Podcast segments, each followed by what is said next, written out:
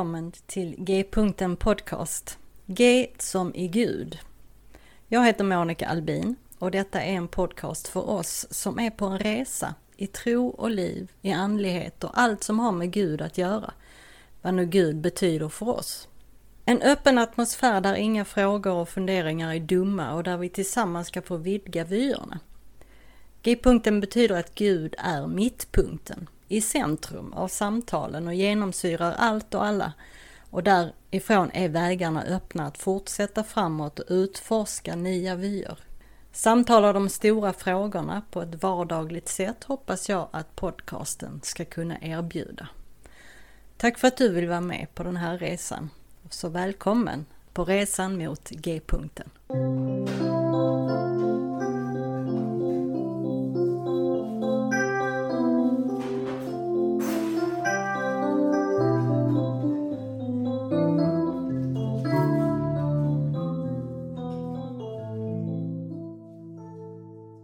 Hej och välkommen tillbaka till G-punkten Podcast. I dagens avsnitt så har jag förmånen att få ett härligt samtal med Laila Dahl. Laila är samtalsterapeut och par och relationsterapeut som skriver och föreläser och sjunger. Hon driver terapistudion i Huddinge sedan 15 år tillbaka.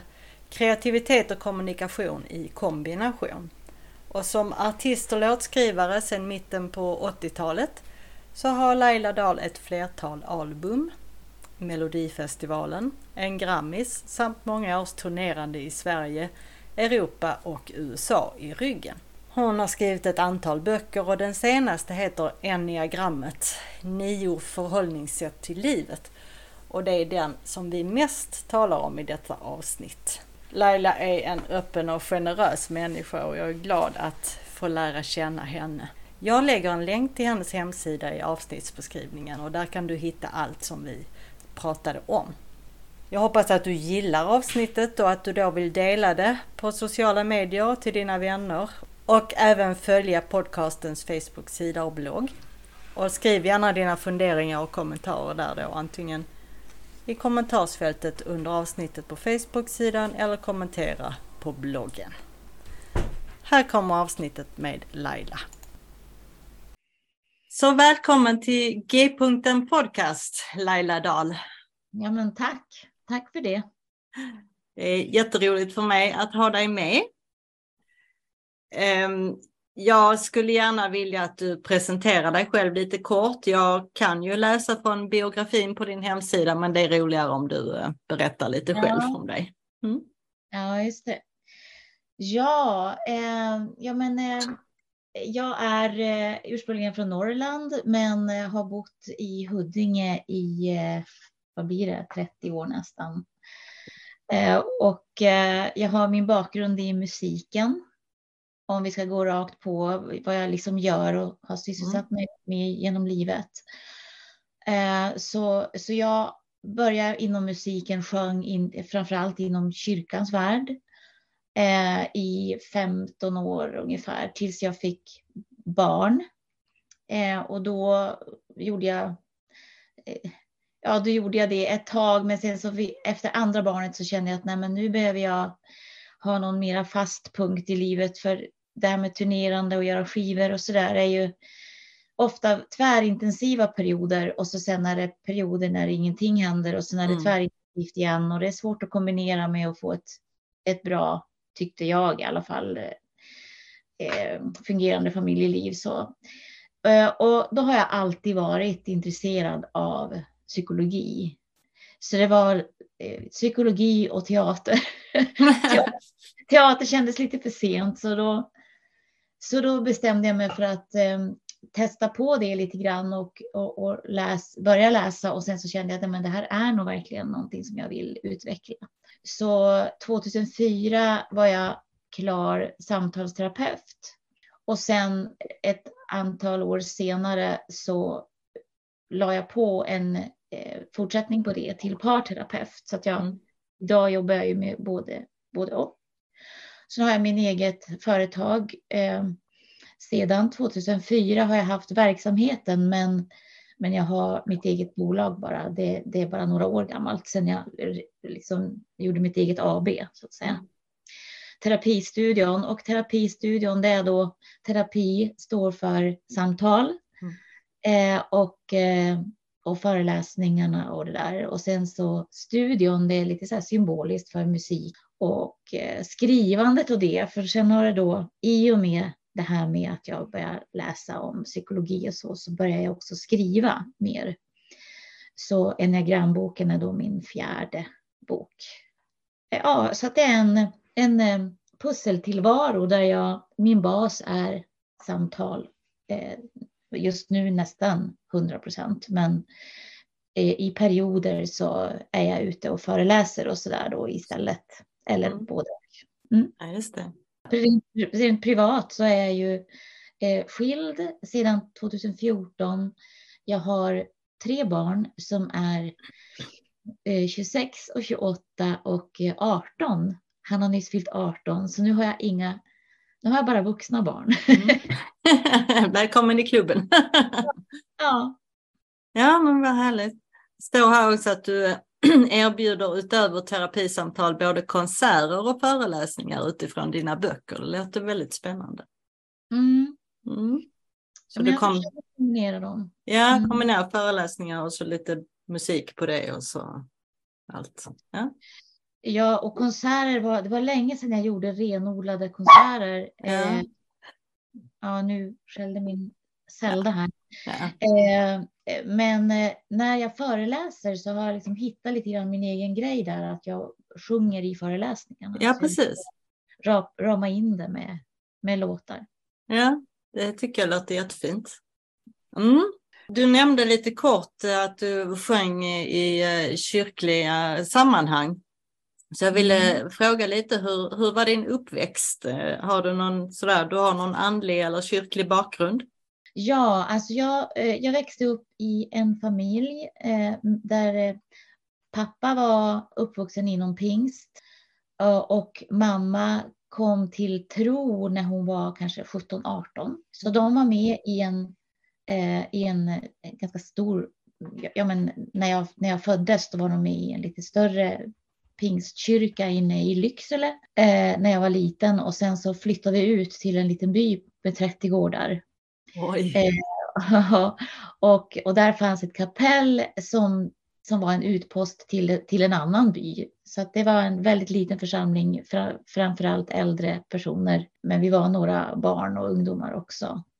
Eh, så, så den bakgrunden har jag. Sen när jag började sjunga när jag var 18 och, och resa liksom med musiken, då ja, men i princip sedan dess har jag sett mig som väldigt ekumenisk. Alltså mm. på så vis att jag har, jag har åkt både inom Missionskyrkan, jag gifte mig ju med en kille som var från missionsförbundarfamilj eh, och reste mycket i ekumeniska sammanhang. Så att det var blandat. Mm. Eh, och eh, med mina böcker har jag också varit mycket inom, inom liksom Svenska kyrkan. Mm. Och, och, så att och jag har liksom en tro eh, och ehm, den är ju liksom en stor del av, av, av hur jag ser på, på världen, tror jag.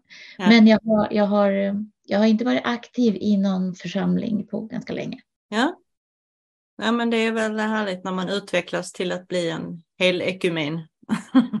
ja, ja, jag tycker det. Ja. ja, jag tycker det också. Jag såg plötsligt ett reportage med dig i Må bra-tidningen. Mm. Och blev glad att äntligen se att det skrivs om enneagrammet på svenska. Mm. Uh, och så förstod jag ju då av det att du också då skrivit den här boken. Så att vi ska prata om en del uh, om det. Jag har ju själv studerat just enneagrammet och använt mig av det och läst om det och lyssnat på det så under flera år. Men allt är på engelska. Ja. Mm. Eh, och jag hade Susanne Stabile i min podd för typ ett år sedan. Jag har försökt att få Ian Cron men det verkar få gjort. Chris Stewart har varit här. och jag lyssnar i alla fall på, alla, på deras poddar och så vidare. Och mm. eh, alla som lyssnar på min podd vet att jag är en enneagram person. Så.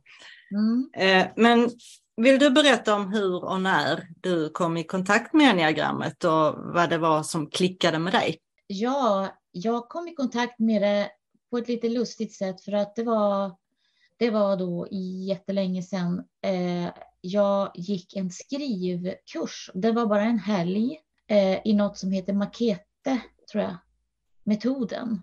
Jag tror att det heter så, ungefär i alla fall. Eh, och, och, och hon som ledde den här kursen, hon sa att när, när ni ska hitta karaktärer till era noveller, för det var, vi skulle skriva en novell då i, i, i den här kursen, vi påbörja det. Mm. Eh, då är den här boken en jättebra eh, tillgång. Och så tog hon upp en bok om enneagrammet och, eh, och sa att här kan ni hitta trovärdiga karaktärer. Ah. Så, så jag tyckte det var jättespännande just utifrån det sammanhanget. Men ju mer jag läste om det sen, köpte boken direkt av den anledningen då. Men kände ju direkt att det här är något jag kan använda inom terapin också. Uh Eh, och det här var alltså, det måste varit, det är i alla fall minst 17 år sedan, mm. tror jag. Eh, så så jag, jag blev, till en början blev jag väldigt bara så här betuttad. Jag tyckte det var roligt och du vet man läser för sina kompisar och, och familj. Så här, Tror ni att du måste få den här? Eller, ja, du vet. Men sen ju mer jag gick in i det så tyckte jag att det var jättesvårt att hitta mig själv.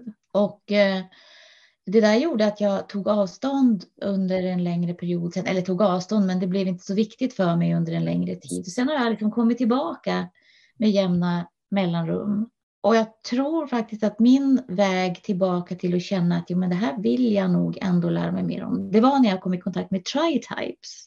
Därför då tyckte jag att man fick en liksom, bredare bild mm. eh, av alltså där jag befann mig då. Jag kände att då, då blev det liksom mer trovärdigt för mig det kanske, jag, jag har fyran som grundstrategi mm. Mm. och jag tänker att det är liksom det här att man inte vill bli inboxad i ett speciellt fack. Och, och, Nej, och du, är så, du är så unik. Exakt. Eh, och, att, och att man också tänker att varje människa är det. Ja. Det är inte så att jag föreställer mig att jag är mer unik än någon annan, men att jag tänker på människan utifrån att vi är liksom ja, unika. Mm. Men ännu mer att man inte vill bli missförstådd. Just. Det tror jag är ännu starkare för, för fyran. Mm. Att säg inte vem jag är, någonting som jag inte är. Typ. det. Ja. Så, så tri-types var liksom vägen in och när jag hittade min tri-type då kunde jag därifrån hitta, ja men det är ju faktiskt av de här så är det ju då den här och då så småningom så föll alla bitar på plats. Liksom. Och sen så använder jag det ju idag både, både i, alltså när någon vill och är intresserad så, så blandar jag in det i terapin. Mm.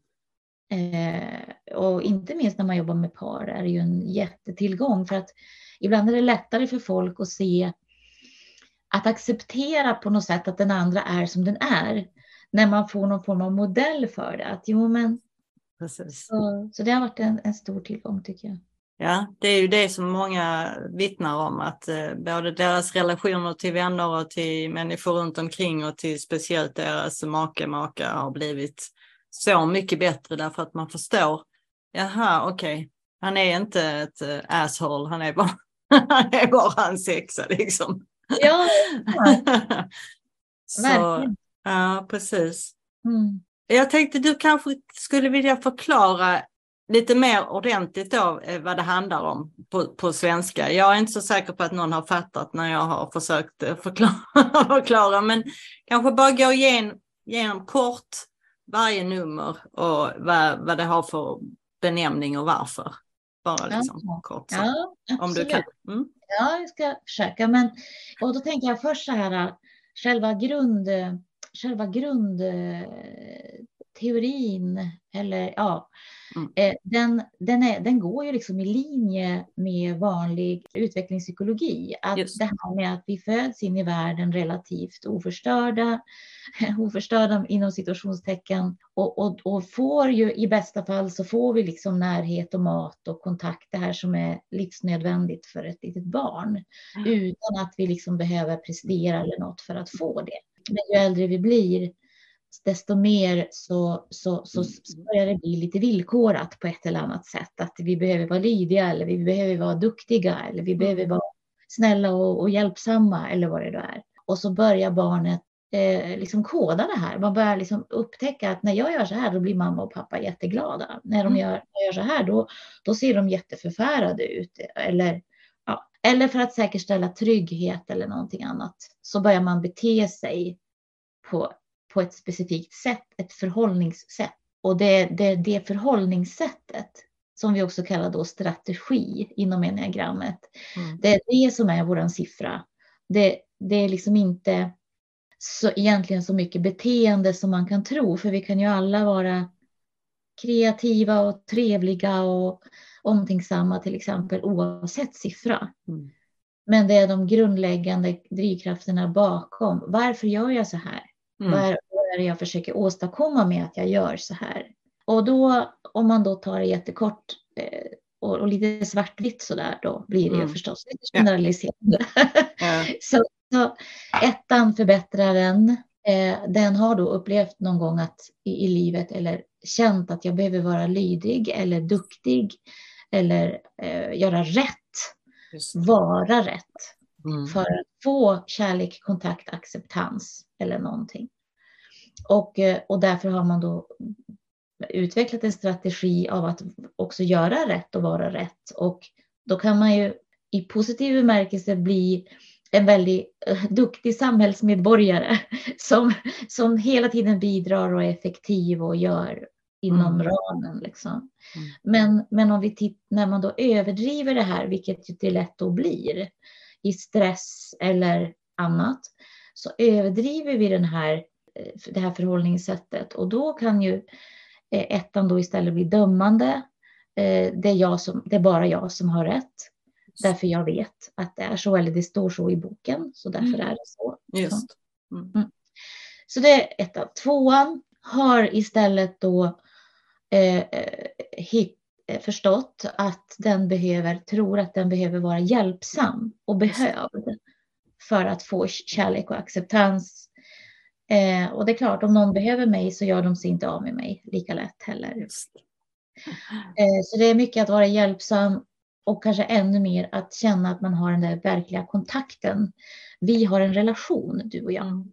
Eh, så, så tvåan blir ofta då väldigt eh, in, liksom inbjudande, relationellt inbjudande och kontaktskapande och kontaktsökande och eh, ofta hjälper och ställer upp. Eh, men när det här går till överdrift så kan man ju både bli en som hjälper en som inte vill bli hjälpt det kan också leda till något slags medberoende, att man, att man så gärna vill hjälpa den andra eh, så att man inte ser riktigt klart vad det är som händer. Att mm. man bidrar till ett, ett, en alkoholism eller någonting eh, mm. för att man inte sätter gränser. Mm. Men framför allt att man inte ser sina egna behov och reflekterar kanske lika mycket. Eh, ja då, och vad behöver jag? Trean den, den, vill, den, den har, har, förstått att när jag presterar, när, som också kallas presterare, när den gör bra ifrån sig, när den får högt betyg eller bra resultat och sådär, ja men då får jag kärlek och beundran inte minst. Och det mm. känns ju bra.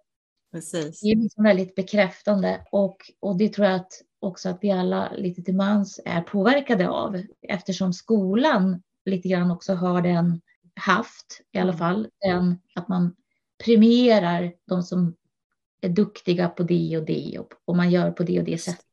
Liksom. Mm. Jag är älskad för det jag gör. Exakt, mm. och, och, och då kan man tappa bort vem är jag utan prestationerna? Ja. Vi har idrottsmän till exempel när de lägger av så vet de inte vilka de är. Eh, ja. Fyran eh, har då upptäckt någonstans eh, att den behöver hitta sin egen unika plats på något sätt för mm. att, för, för att eh, vara, vara värd på något vis attention. Eller, mm. Så det, det, kan ändra, ändra slå åt det hållet att man försöker vara någonting väldigt unikt och man söker ofta det här från väldigt tidig ålder. Vem är jag och vem vill jag vara? Och man vill uttrycka någonting utifrån sin egen personlighet på något sätt. Mm. Och det här är ju också väldigt då väldigt positivt kan man tycka livsbejakande på ett sätt när det är sunt. Mm. Och sen när det blir, går till, till någonting mer osunt, överdrivet, då, då, då kan det bli eh, navelskådning av alltihopa.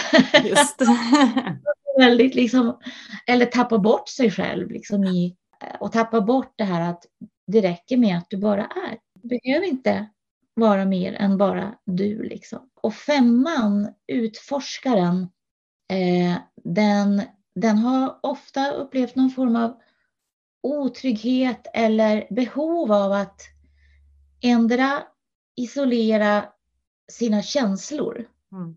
Alltså att man delar inte, man samlar liksom på sig sina egna känslor och det är lite farligt.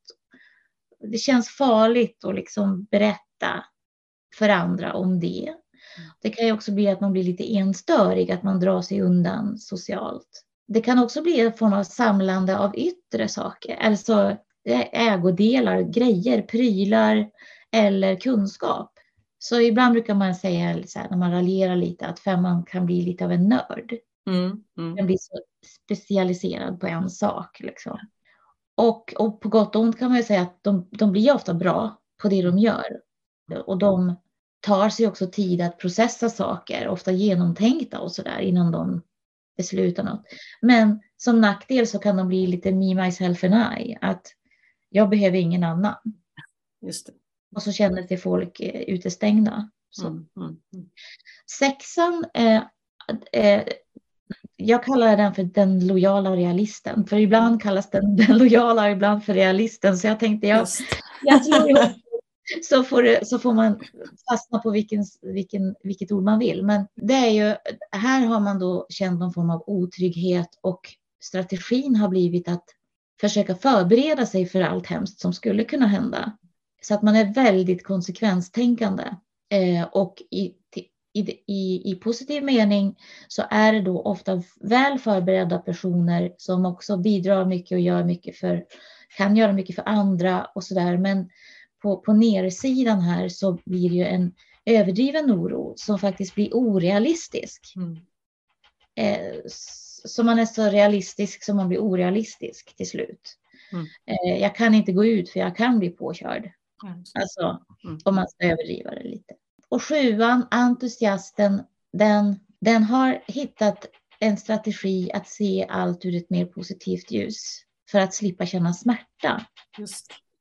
Så, så, så det har blivit ett sätt att man skrattar bort det som är jobbigt eller man eh, håller sig själv busy mm. med, att, med projekt och saker. Det här är ofta en, en person som upplevs som oerhört positiv och optimistisk och, och ofta påhittig, mycket fantasi och så. Mm. Eh, men sen, sen så finns den här sidan att om jag inte också erkänner sorgen i mitt liv till exempel så kan den komma ikapp. Så många sjuor kanske först när man är lite äldre i livet så, så förstår man att det där som jag har sprungit ifrån är någonting som jag har missat.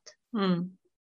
Det, skulle, det skulle faktiskt ha berikat mitt liv om jag hade stannat upp tidigare och sett mm. det här. Mm. Att det är också en del av mitt liv. Åttan, visst var du åtta? Ja. Ja, ja precis. Ja, så, så får vi se om det stämmer här då. Men åttan har ofta känt någonstans under uppväxten att jag behöver, jag behöver vara, liksom vara självständig, jag behöver vara tuff eller på något vis stark ändå utåt. För att det, det, det är inte säkert att någon annan tar hand om mig. Det, så att jag får själv se till att vara den starka. Och vilket kan göra att den blir onödigt tuff och lite ointaglig för folk runt omkring. Eh, så att man kanske uttrycker sig eh, mer rakt än vad då andra mer känsliga typer kanske tål inom situationstecken att de, de, de säger, ah, vad är det här för, hur kan du, måste du ta i så hårt? Liksom? Om, man, om man ska överdriva det då till en person som inte har tänkt på de här sakerna. Och, och i det positiva så är det ju ofta ledar, liksom att man har inget problem med att ta ut ledningen och säga nej men vi går hitåt, kolla. Och vi behöver ju sådana människor. Det är ju suveränt. Men att det handlar om att här då att se sin sårbarhet. Lite liknande det här med att sjuan inte vill kännas vid sorg. Men jag tänker att för åttan så är det det här att, att visa att jag behöver också någon. Eh, jag, eh, jag kan också bli trött och jag kan också liksom missa mitt mål och, och så. Och att, att inse det och att det är en mognad liksom. Och för att då tillåter man kanske andra också att vara mer sårbara när man har känts vid sin egen sårbarhet. Och nian, medlaren. Och där tycker jag man ska sätta så här situationstecken runt medlaren för att medlaren är ju bra på att medla mellan andra. Men däremot är den ju ofta konflikträdd. Så att när det handlar om att stå mitt emot en person och vara i konflikt så blir den ju väldigt undvikande och liksom backar in eller säger okej, okay, vi gör som du vill. Och liksom konturlös på något mm. sätt. Mm. Så där funkar ju inte medlaren egentligen. Mm. Då. Och, och, i sitt bästa så är det här en, liksom en fridsam, eh, för omgivningen på ett sätt lätthanterlig person. Men när det går till överdrift så blir den, kan, det finns ju, när jag jobbar med par så kan en partner till nian till exempel säga, men, men säg vad du vill då. Ja. Eller har du gått och burit på det här i tre år? Varför har du inte sagt någonting? Eller, ja men vad vill du? du liksom, jag vill veta vem du är.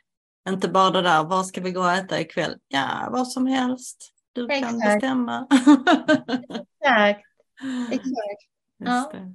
Ja, men det var väl jättebra genomgång. Det blev eh, kort och koncist och så eh, det är någonstans att börja. Ja. Och sen så kommer liksom det här jätte, jätte, jättemycket mer in, och, som vi vet. Absolut, precis. Och som du sa så identifierar du dig som en eh, fyra. Eh, mm. och, och jag tänker på din eh, karriär och det här, har du, har du liksom en stark eh, tre, trevinge eller? ja. ja, men det skulle jag säga att jag tror att jag, tror att jag eh, Jo, men alltså när jag var barn så mm så var det ju inte bara sjunga, utan det var ju att få sjunga för folk. Ja. Det. Alltså, det. var inte stå i ett rum, även om jag gjorde det också. Men, eh, men, men, målet var ju att få, få förmedla någonting på något mm. sätt. Eh, och, eh, så där ser jag ju fyrans behov av att uttrycka någonting personligt. Mm. Och att beröra andra med någonting som finns inom mig. Det var liksom väldigt starkt. Men sen mm. det här också lite mer triiga att eh, ja men det här, det här gör jag. Ja just det, det här är jag duktig på, titta på mig. ja. När jag, eh, som du sa, själv är jag ju då åtta. Men, ja. men, det, men som sagt, det är ju så mycket mer än så. Ja. Och eh, när jag pratar om mig själv i enneagrams språk på engelska, mm. som jag, som jag liksom är van vid då, så säger jag ju att jag är en social eight with a strong nine wing. Ja, just det. Så det är inte alltid helt självklart att jag är en åtta nu längre. Nej. Det var nu mer förr, när jag, innan jag liksom hade jobbat med mig själv och utvecklats och mognat och så här, då kunde jag vara lite mer som en bulldozer och säga lite mer sådär att, ja men direkt på, eh, så ja. folk bara så här. Exakt. Men eh, de som känner mig ordentligt fattar ju, men eh, visst är det så att om man jobbar med sig själv och, och, med just personlig utveckling på olika sätt så, så kan den här mjuk personligheten mjukna och de eh, dåliga sidorna kan vändas och bli till styrkor för det är väl det som är liksom eh, poängen också med enagramarbete. Absolut, och jag tänker att det här med utvecklingsnivåerna eh, är ju jätte, jätteviktigt att tänka på. För jag tänker så här att en, en person som om, om vi tar två åttor till exempel, mm. Eh, men där den ena åttan hade en extremt svår uppväxt, där det kanske förekom våld eller mm. mm. någonting annat. Den andra har också åttans strategi, men den, den hade en mer normal uppväxt där det mm. inte förekom kom våld, men, men det var någonting ändå som gjorde att man behövde vara liksom tuffa till sig. Ja, och det kan ju vara verkligt eller att jag förstår, att jag tänker det, att det är så själv. Alltså att jag ja. Funderar ja. själv på det. Så här, så här är det nog. Men det behöver inte vara ett verkligt hot så att säga. Exakt, man, mm. det, är ju, det är ju barnets upplevelse i den ålder där det befinner sig när saker händer som Just. är det som påverkar en. Inte vad det egentligen kanske var. Men, men om man tar då att man har två olika barndomar och upplevelser så, så är ju det också någonting som påverkar. För den som har varit i det fysiska våldet eller psykiskt våld till exempel, den har ju behövt ha ett extremt tufft skinn. Mm. Och där kommer du att se en helt annan hårdhet. Liksom, därför det, den har, det här barnet har behövt det för att skydda sin sårbarhet på ett helt annat sätt. Mm. Men sen är det intressant att tänka att om den här med det här jättetuffa skinnet från ett våldsamt familjeförhållande har jobbat med sig själv och gått i terapi och liksom gjort alla stegen och så här, så kanske den i 40 års ålder är liksom jättemedveten om sina mönster och kan hantera det på ett sätt, vilket den andra då, om den inte har gjort en utveckling, mm. kanske inte har gjort. Mm. Så det är liksom, skulle båda där menar jag ha jobbat mer i terapi så behöver ju förmodligen den som har en ännu svårare uppväxt ännu mer hjälp på traven för att, för att komma dit hän att det blir en, en mer balanserad, ett mer balanserat beteende. Just. Och att man inte går på de här inre rädslorna lika hårt. Liksom. Så det, är ju jätte, det gör ju jättestor skillnad. Det märker man ju också när, man, när jag möter klienter att, att även om jag möter, jag möter en åtta eller fyra eller vad som helst ena dagen så träffar jag en annan fyra eller åtta en annan dag så kan det vara väsensskilt. Ja, precis. Men, det, men, men, man, men det är samma liksom grundmotivation. Ja, precis. För det är liksom motivationen som är eh, poängen mm. här. Vad det är som driver en. Exakt. Sen är ju det här som du nämnde där, du sa om eh, att du, är den, att du känner igen dig i den sociala åttan. Just de här de instinkterna, liksom, social intim eller självbevarande, de kan ju också göra stor skillnad till det har du oh ja. säkert märkt om du träffar en åtta som har en intim instinkt så är det annorlunda från... Precis, så det, är, det blir ju egentligen 27 olika istället för 9 när man ja. det så, tre på varje och sen så vidare efter det. Absolut. Jag, jag känner igen mig mer i den själv, alltså i beskrivningen av den självbevarande fyran. Sen om jag bara skulle kolla på instinkterna mm. utan att lägga till enneagramtyp, mm. då, skulle jag, då skulle jag tveklöst säga den intima. Mm. mm. Att någonstans så tror jag att jag har någon form av kombination, att de ligger väldigt nära varandra uppe. Ja, jo man säger ju det, man har ju alla tre men det är ofta en som är starkare, en som är andra mm. och så en som man behöver jobba på liksom. Ja, exakt. Och, det, och, att, och att just de här tre då instinkterna eller subtypes kan ändras under livet beroende på var man är. Och att det ja. var just under den här pandemin nu som har varit så, så i alla fall Susanne Stabil säger det, att det är nog, det är rätt så många tror hon som har ändrat från, från någonting till det självbevarande. Att många ja, har... just det. Just det. Just på grund av alla omständigheter helt enkelt och ja. det man har blivit utsatt för. Exakt. Så det, det är så spännande så också. Ja, och jag tänker både fyran och, ska vi säga, fyran och sexan mm. eh, sägs vara de som har, de, de har liksom, deras motstrategi är väldigt olik, så pass olik så det skulle kunna vara en annan egen siffra. Precis. Eh, och, och, och det, det, det, tror jag också var anledningen till att jag hade så svårt att hitta mig själv.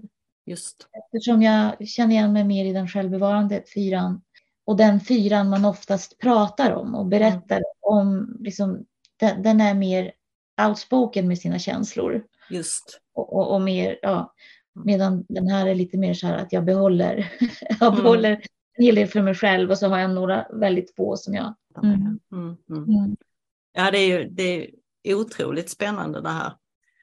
Eh, mm. Och jag, jag, förstår att det är viktigt för dig att i ditt terapiarbete. Ja. Har du, du, du arbetar med det både med enskilda och med par? Är det ja. så? Ja. Och har, har du grupper också eller är det bara enskilda och par så att säga? Ja, jag har haft, eh, jag har gjort ett par så här heldagar om enneagrammet i grupp, liksom med grupper. Mm, mm. Det är något jag skulle vilja göra mer, eh, men, men det är ingenting som jag gör regelbundet i nuläget. Nej. Eh, jag, jag, är lite sådär i en sån där mellanrumsperiod där jag känner mig för lite grann. Hur ska jag, hur ska jag gå vidare med det här? Hur vill jag? Alltså föreläsningar, det är ju det, det får ticka på som, som vanligt att, eh, och, och så. Men eh, jag tycker ju att eh, jag påbörjar ju en podd. Jag vet inte om du har sett den? Jo, jag såg den. Ja. ja. Eh, och den, eh, men, men sen så har jag inte hållit på med den på, på länge. Den skulle jag gärna ta upp, men jag skulle kanske egentligen vilja jobba med, med, med till exempel med par i mm. en podd. Ja, ja, ja. Att coacha par i en podd så att säga. Ja, eller, eller, eller i alla fall eller intervjua bara, prata ja. med par om hur det är när man är olika typer och sådär. Ja, men, ja. men vi får se om det blir något av det eller. Ja, det vore väl intressant. Jag kanske kan övertala min man. ja, ja, exakt. Vi, vi är väldigt eh, olika där. Eh, jag är ändå social åtta med ganska strong nine wing och han är en eh, självbevarande sexa med phobic sex liksom.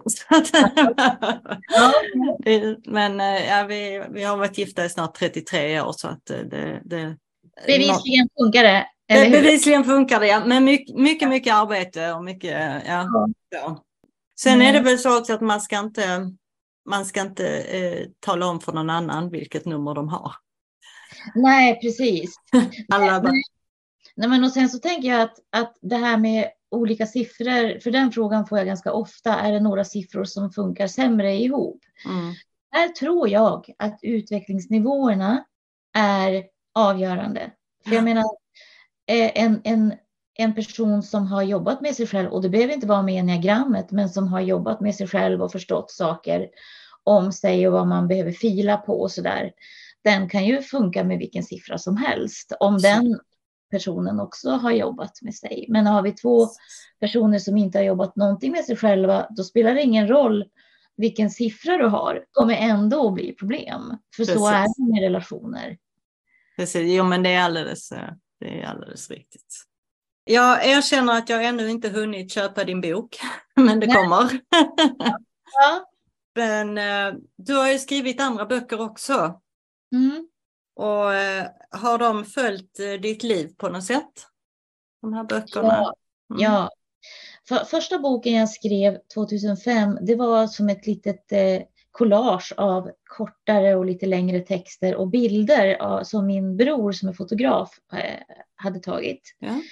Eh, så det var som en liten sån här, du vet som man kan ha bredvid sängen och läsa ett kort stycke mm. innan man somnar typ. Mm. Eh, så jag tyckte väldigt mycket om det formatet på något sätt. Eh, vad heter den? Eh, vad heter din längtan? Vad heter din längtan? Mm. Mm. lite mer åt det poetiska hållet fast inte poesi. Mm. ja. Men sen så 2010 så var ju jag med om en, en stor chock i mitt liv när min man kom hem och berättade att han hade fått barn med en annan kvinna. Oj då, mm, okej. Okay. Och eh, det vände ju upp och ner på hela våran tillvaro. Vi hade varit tillsammans sedan vi var tonåringar och vi hade redan tre barn. Mm. Eh, så, men, men, men för att inte göra det så långt så vi försökte i två och ett halvt år. Jag, jag kände så här att vi hade för, för många år bakåt för att kasta bort det om det var möjligt och rädda det här. Mm. Vilket det såg ut som där i början. För han var väldigt ångerfull och allt det där. Men trots allt var han ju också pappa till ett nytt barn. Liksom. Mm. Så det var en väldigt knepig situation. Men, men, men under den perioden så efter något år eller så där så började jag känna att jag hade hur ska man säga? När, när det först hände så, så gjorde jag som säkert många andra gör. Man går ut och googlar och tänker hur gör man i en sån här situation? Finns det någon som har skrivit om det här och så? Eh, och jag tyckte inte att det fanns något. Det fanns liksom bara eh, du vet de här tablå, de här frågespalterna där de, du vet mer eller mindre så här skjut honom eller gå vidare ungefär. Så, så jag kände att jag började som samla på mig utifrån min egen bearbetning och steg för steg för steg. Vad är det som funkar? Vad är det som inte funkar? Och efter ett tag så förstod jag att det här är någonting som jag kommer att kunna dela med mig av om jag kommer helskinnad ur den här upplevelsen om jag blir hel någon gång tänkte jag. Mm. Och fick också med mig eh, mitt ex då på, eh, på den resan att han gick med på att han skulle skriva en, en, eh, ett kort kapitel också om sin. För jag kände att jag, jag ville inte bli den här bittra kvinnan som lämnar ut min man, för då var vi fortfarande tillsammans när vi började prata om det här. Men han sanktionerade liksom idén. Men efter två och ett halvt år så kom det fram att han hade ju inte, han, han hade ju tagit upp den här, eller de hade fortsatt kontakten. Okay. Vilket sen hade lett till en mer tätare kontakt. Men det var jag som kom, fick komma på det själv och då hade jag sagt att händer det någonting i den här vägen igen, då lämnar jag dig. Mm. Vilket ju blev resultatet nu då. Och då trodde jag inte att det skulle kunna bli någon bok. Men efter ett tag så när jag sa det att nej men någon bok blir det ju inte nu, det går ju inte utifrån det här. Eh, men då var det faktiskt han som sa att jag tycker du ska ge ut den ändå. Men vi får bara skriva, du får bara skriva om slutet. Och, och, och så. Vilket resulterade i den här boken då. Som är halva boken den berättelsen och halva boken terapeutiskt utifrån vad jag, vad jag ville dela med mig av. Så här kan man bli hel igen liksom. Mm. Eh, Så det var den. Och sen efter den så skrev jag en bok som heter Dina känslor är inte i vägen. Mm. Eh, Som handlar om det här att våra känslor är verktyg som vi kan använda oss av. Eh, och att eh, man behöver skilja på liksom affekten som är med den här direkta, liksom att man går igång och blir ilsk eller rädd eller någonting. Men att eh, lär vi oss att stanna till och fråga oss vad, vad är det jag tolkar in, vad är, det jag, vad är det jag ska förstå utifrån att det känns så här nu. Det är det ju redskap som vi kan använda oss av. Och sen kom enneagramboken nu då 2020. Ja, spännande. Jag, alltså jag, jag lägger ju länk till din hemsida i avsnittsbeskrivningen där man kan hitta Ja. allt det här ju. Ja, kul. Eh, Du har ju, eh, enligt din hemsida så har du ju rätt så många järn i elden ändå i alla fall med både terapier och föreläsningar och allt vad det är. Är det någonting som du vill eh, pusha för nu i nuläget? Så jag lägger nog ut den här någon Mm. gång i maj så att du vet.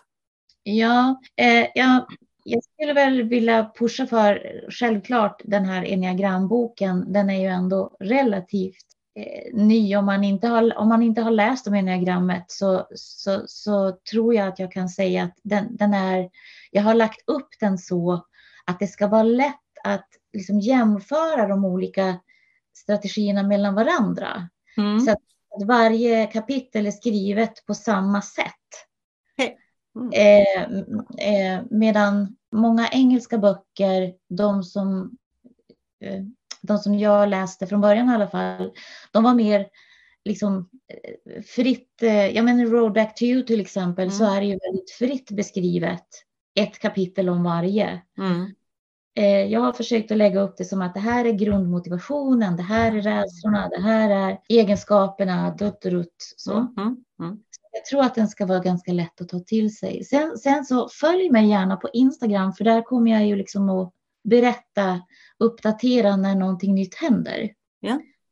Eh, om jag har en föreläsning eller om det är något annat nytt på gång. Så där, Mm. den är bra och det, den heter Laila Dahl understreck terapistudion. Okej, mm. ja, men jättebra. Det ska vi göra, absolut. Och den handlar inte som sagt bara om enneagrammet Nej. utan det är liksom hela terapistudions allt som mynnar ut ifrån det jag håller på med. Ja, just det. Mm. Jag har eh, en eh, sista fråga också som jag alltid frågar alla mina gäster. Mm. Och det är, var finner du njutning och välbehag just nu? Just nu så faktiskt så eh, jag, jag har börjat måla lite grann. Wow! eh, ja, bara sådär på, på skoj och på kul. Eh, och där finner jag en väldig njutning just nu. Härligt. Sen är det ju också snart får vi hoppas vår och det brukar ju vara en underbar tid. Mm. Mm. Och så lite hundkel och pussar och så. Ja, Ja, ja, absolut. ja bra. det, det här har varit fantastiskt roligt. Tack så mycket för att du ville vara med och det är absolut ingen omöjlighet att jag hör av mig till dig igen. Mm. Ja, men vad fint. Tack för att du frågade. Vad fint. Visst. Men sköt om dig så länge. Detsamma och lycka till med allt som du håller på med. Mm, tack så mycket. Vi pratar en annan gång. ja, det gör vi. Ja, Hej då. Hej då. Hoppas du hade en god lyssning. Och som sagt, gilla och dela gärna avsnittet.